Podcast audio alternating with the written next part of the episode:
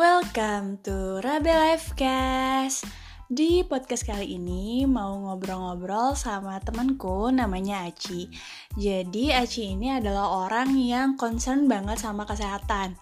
Dan hmm, di sesi ini mau ngobrol-ngobrol gimana sih cara Aci memaintain, memaintain kesehatannya dan apa manfaatnya bagi dia sendiri dan bagi lingkungan sekitar. So, yang penasaran, keep on listening. Halo Aci, apa kabar? Halo Bella, baik. Halo, di tengah kondisi yang lagi apa ya di rumah aja harus tetap baik dan sehat dong. Oh, oke deh. Nah, Ci, uh, uh, gue kenal lo tuh sebagai temen gue yang uh, concern banget sama masalah kesehatan gitu. Mungkin bisa di-sharing nggak di podcast kali ini tuh gimana cara lo ngejaga kesehatan dan kenapanya dan dan hal-hal lain deh yang bisa lo sharing tentang itu.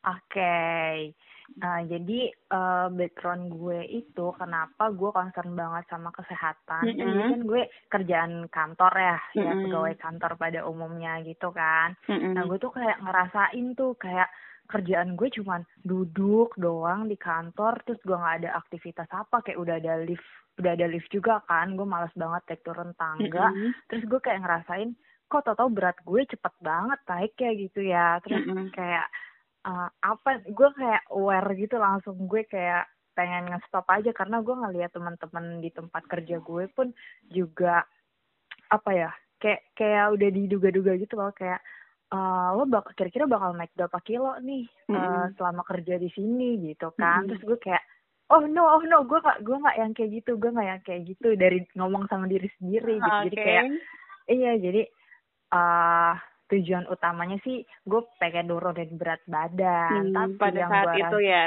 mm iya uh, pada saat itu gue kayak pengen nurunin berat badan padahal juga naik ya dua dua tiga kilo gitu sih hmm. cuman gue kayaknya pengen ngerem aja hmm.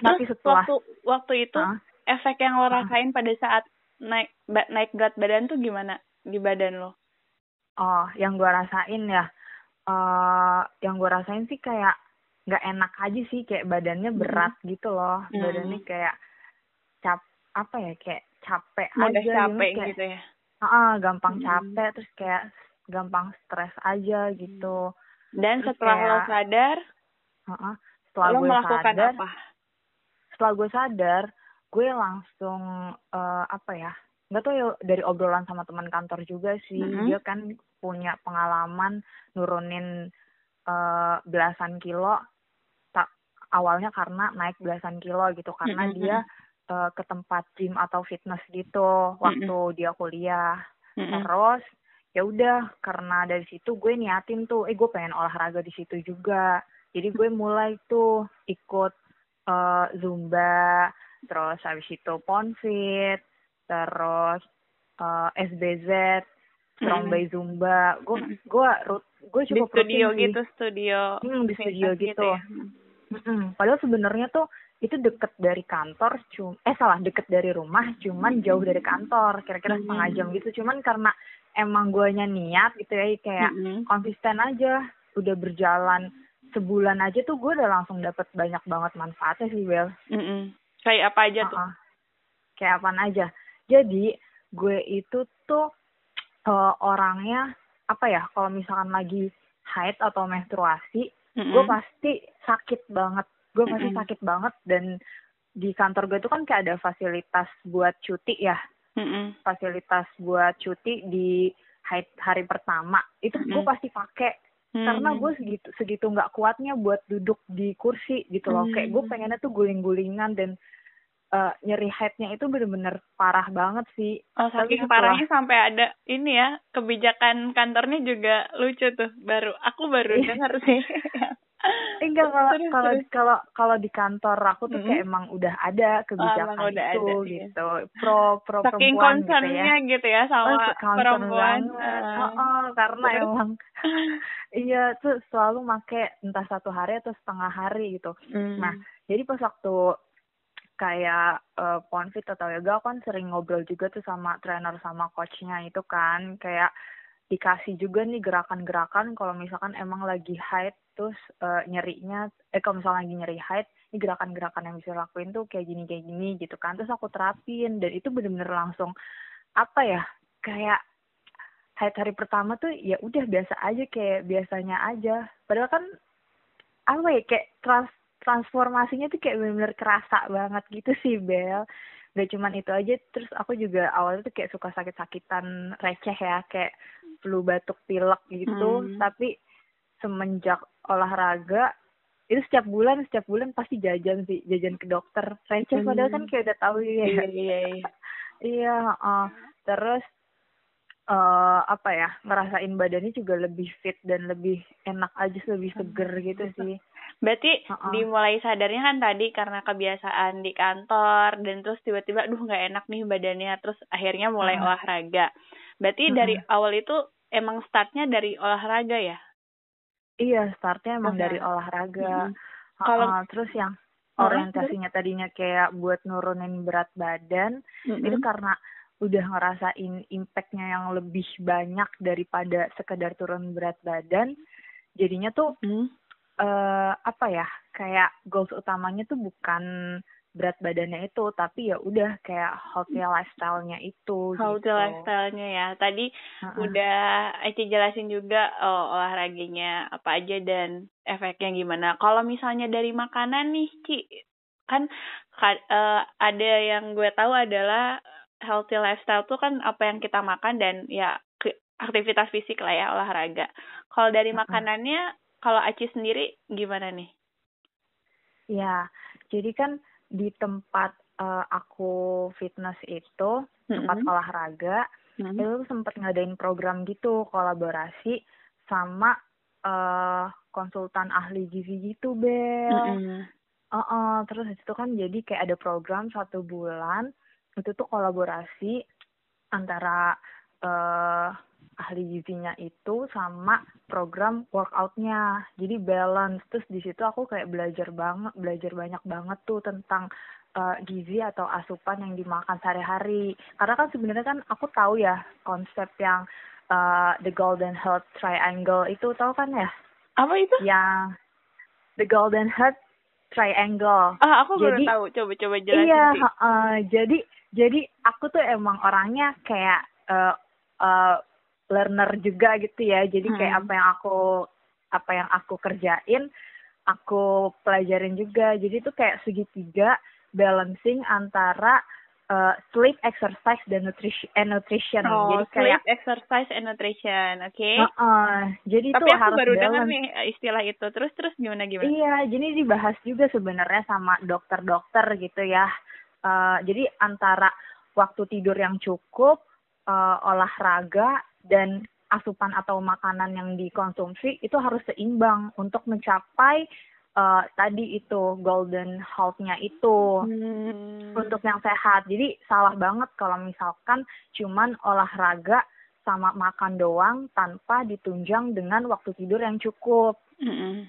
Iya kan ada tuh kasusnya kan yang kemarin yang artis meninggal itu karena olahraganya di push banget terus uh, emang aktivitasnya tinggi terus waktu tidurnya kurang langsung drop gitu kan hmm, yeah. nah iya jadi yang aku pelajarin tuh emang selain waktu tidur yang cukup 6 sampai 7 jam per hari hmm. itu juga harus nutrisi atau asupan makanya hmm. aku ikut kelas kelas itu buat tahu tuh uh, emang aku harus makan apa aja sih biar uh, sehat gitu. Oke, okay, boleh di-share Ci, harus makan apa aja agar seorang bisa dapat sehat dari kelas itu? Okay.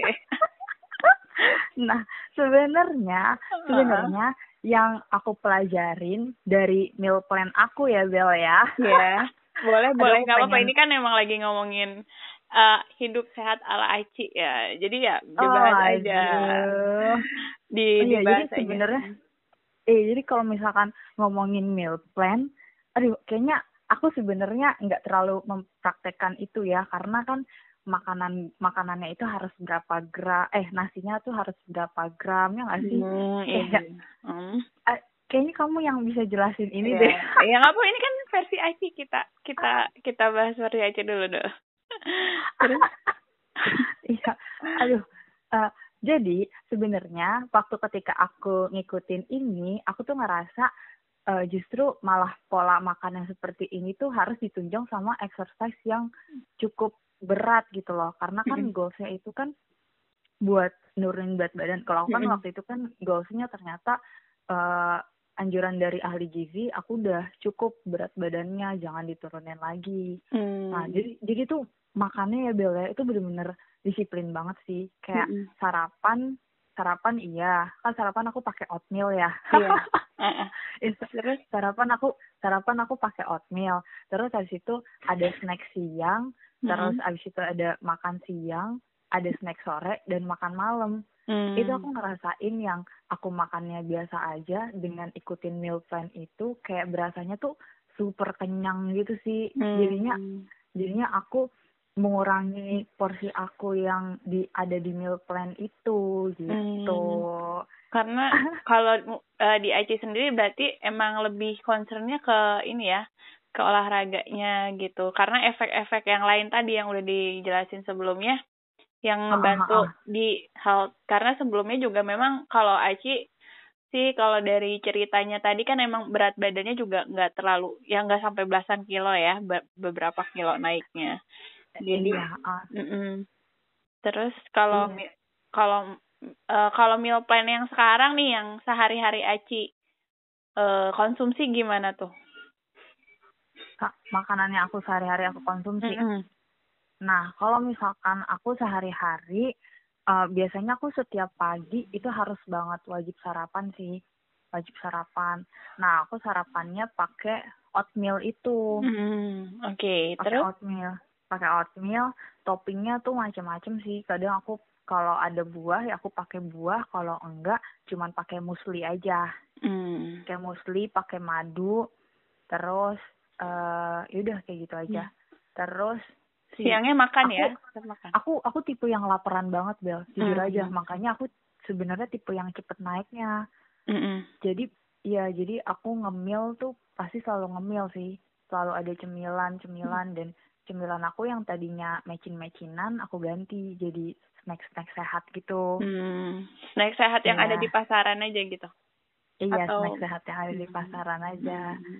Nggak yang khusus banget kok, ya kan? Hmm, iya kan? Terus siangnya tetap Terus, makan kan? Siang, siang makan. makan, wajib makan. Aku oh. tuh setiap dua jam maksimal banget dua jam pasti ada harus ada makanan yang aku makan. Hmm. Aku segampang itu lapar. Hmm. Jadi ibarat itu buat aku tuh olahraga adalah uh, stabilitas cara, buat aku cara nge-maintain ya banyak. cara iya buat aku bisa makan banyak tapi badan tetap berat badan tetap stabil hmm, gitu iya sebenarnya kan uh, ya beda-beda kan untuk setiap hmm. orang jadi hmm. ya memang oh iya ada yang paling penting nih Bel ah, kalau kalau aku makan nah buat aku tuh yang paling penting uh, apa namanya ngejaga pola makan nggak makan di atas jam 7 itu hmm. penting banget. Kenapa itu tuh? penting banget. Buat buat Aci kenapa tuh? Karena uh, yang aku tahu sih ya katanya kalau misalkan setelah salah maksudnya kalau misalkan setelah jam 7 malam itu makanan-makanan tuh lebih lama dicernanya bener nggak sih?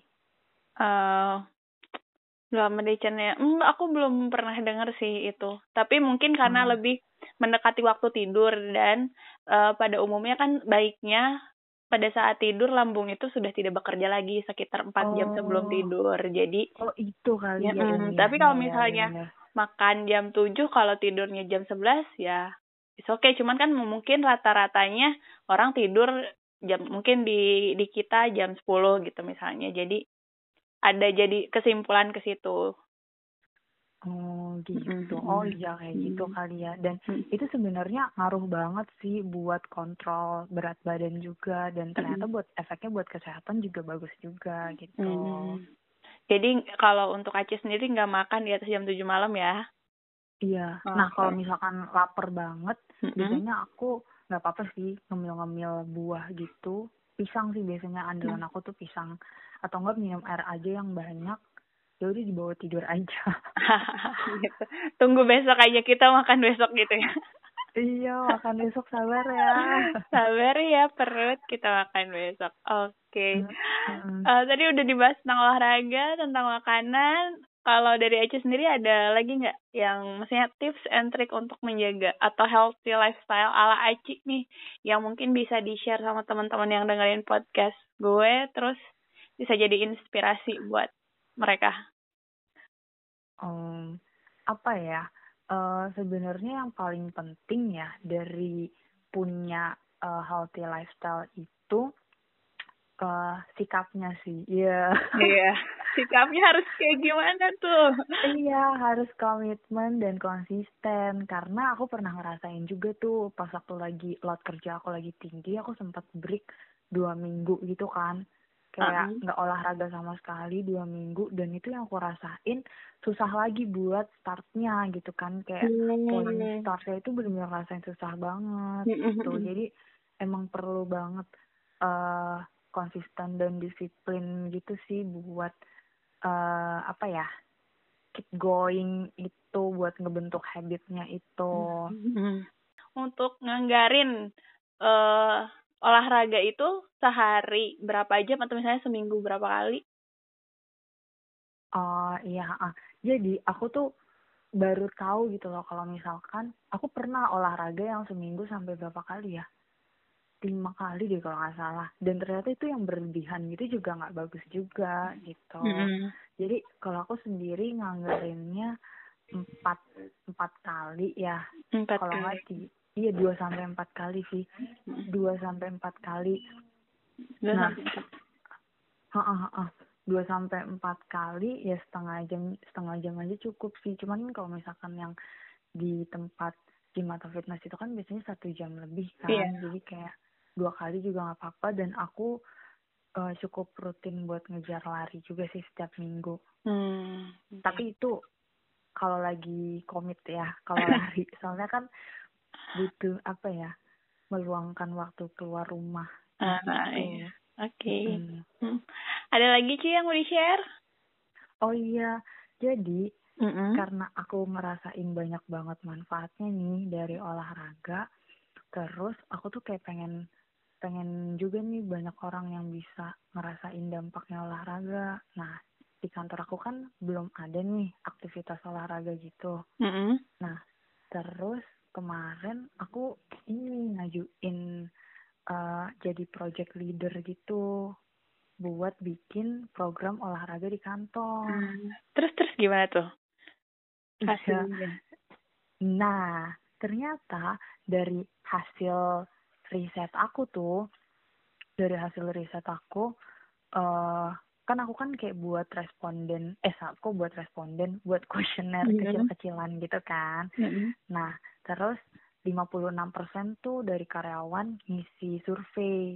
Mm. Nah, terus itu 98% setuju kalau misalkan ada fasilitas olahraga di kantor. Jadi mm. sebenarnya uh, sebenarnya uh, karyawan itu tuh juga aware gitu loh kalau misalkan butuh olahraga nih gitu. Karena kan bisa nah. jadi apa ya waktu rekreasi sebenarnya kan olahraga tuh. Oh benar banget. Itu kan uh, ngerasain gak sih kalau abis olahraga tuh kayak berasanya tuh happy, happy gitu kan? Kayak, iya kan hubungannya sama hormon yang dikeluarkan oleh tubuh. Uh -uh, kayak gitu. Nah terus ini programnya sebenarnya kemarin tuh udah jalan uh, hampir dua bulan ya mm. ya sebulan lebih gitu lah mm. iya terus yang aku rasakan aku nggak uh, ekspektasi aku kan apa ya yaudah jalan aja udah udah alhamdulillah gitu kan soalnya kan emang aku kan kerja di konsultan pajak ya dan yeah. itu kerjanya tinggi banget lembur-lembur gitu kan jadi mm -hmm. jadi tuh ya paling mana mana apa ya kayak ada orang yang datang aja tuh kayak udah alhamdulillah tapi ternyata walaupun lembur mereka tuh bener-bener manfaatin fasilitas uh, olahraga di kantor itu sih hmm. jadi kayak uh -uh, luang-luangin waktu dan apa ya kayak bener-bener sebahagia itu loh Bel ketika hmm. yang aku rasain manfaat olahraga ternyata teman-teman di kantor tuh bisa ngerasain juga sekarang. Hmm, oke. Okay. Yang aku lihat berarti mungkin sebenarnya orang-orang pun pengen melakukan aktivitas olahraga tapi kadang nggak ada waktu terus akhirnya juga nggak punya wayang kuat atau misalnya alasan kenapa dia harus olahraga mungkin jadinya banyak yang nggak aware kan kenapa mereka olahraga. Padahal pada saat mereka udah mulai nih start olahraga dan mulai merasakan manfaatnya kayak yang Aci jelasin tadi. Iya, jadi susah berhentinya gak sih? Iya malah ketagihan gitu ya malah iya ketagihan. untuk uh, melakukan mulainya itu kan. mm -mm. iya mulainya itu gitu. Yang penting kan mulai aja dulu ya Bel ya, ya mulai aja dulu kayak apa gitu ya Iya. Uh, ada lagi yang mau di share? Iya, pokoknya uh, balik lagi ke niatnya dan kayak kenapa olahraga itu ternyata emang sepenting itu sih dan apalagi dengan kondisi yang sekarang ya kalau misalkan olahraga itu bisa ningkatin imunitas jadi uh, apa ya dianjurkan untuk berolahraga selama di rumah aja ini. Nah, selama di rumah gitu. aja sekarang dengan teknologi yang sudah canggih dan lain sebagainya bisa melakukan hal itu di rumah. Walaupun sebenarnya uh, olahraga juga kadang untuk rekreasi ya, kadang untuk ketemu teman juga gitu. Tapi di saat kayak gini juga jadinya harus sabar-sabar dulu untuk olahraga sendirian misalnya. Iya betul banget. Di rumah gitu ya Cia. Ya. Iya. Hmm. Itu aja sih pengalaman okay. dari aku. Oke. Okay. Thank you banget Aci udah sharing banyak banget dan semoga cerita healthy lifestyle versi Aci ini bisa menginspirasi teman-teman yang dengar Rabe Life Cash juga untuk menerapkan hidup sehat atau ya dengan melakukan aktivitas fisik kayak tadi dan merasakan manfaatnya uh, langsung di tubuh mereka sendiri gitu. Iya. Amin amin amin. Amin. Thank you Aci udah sharing. Sama-sama, Ravela.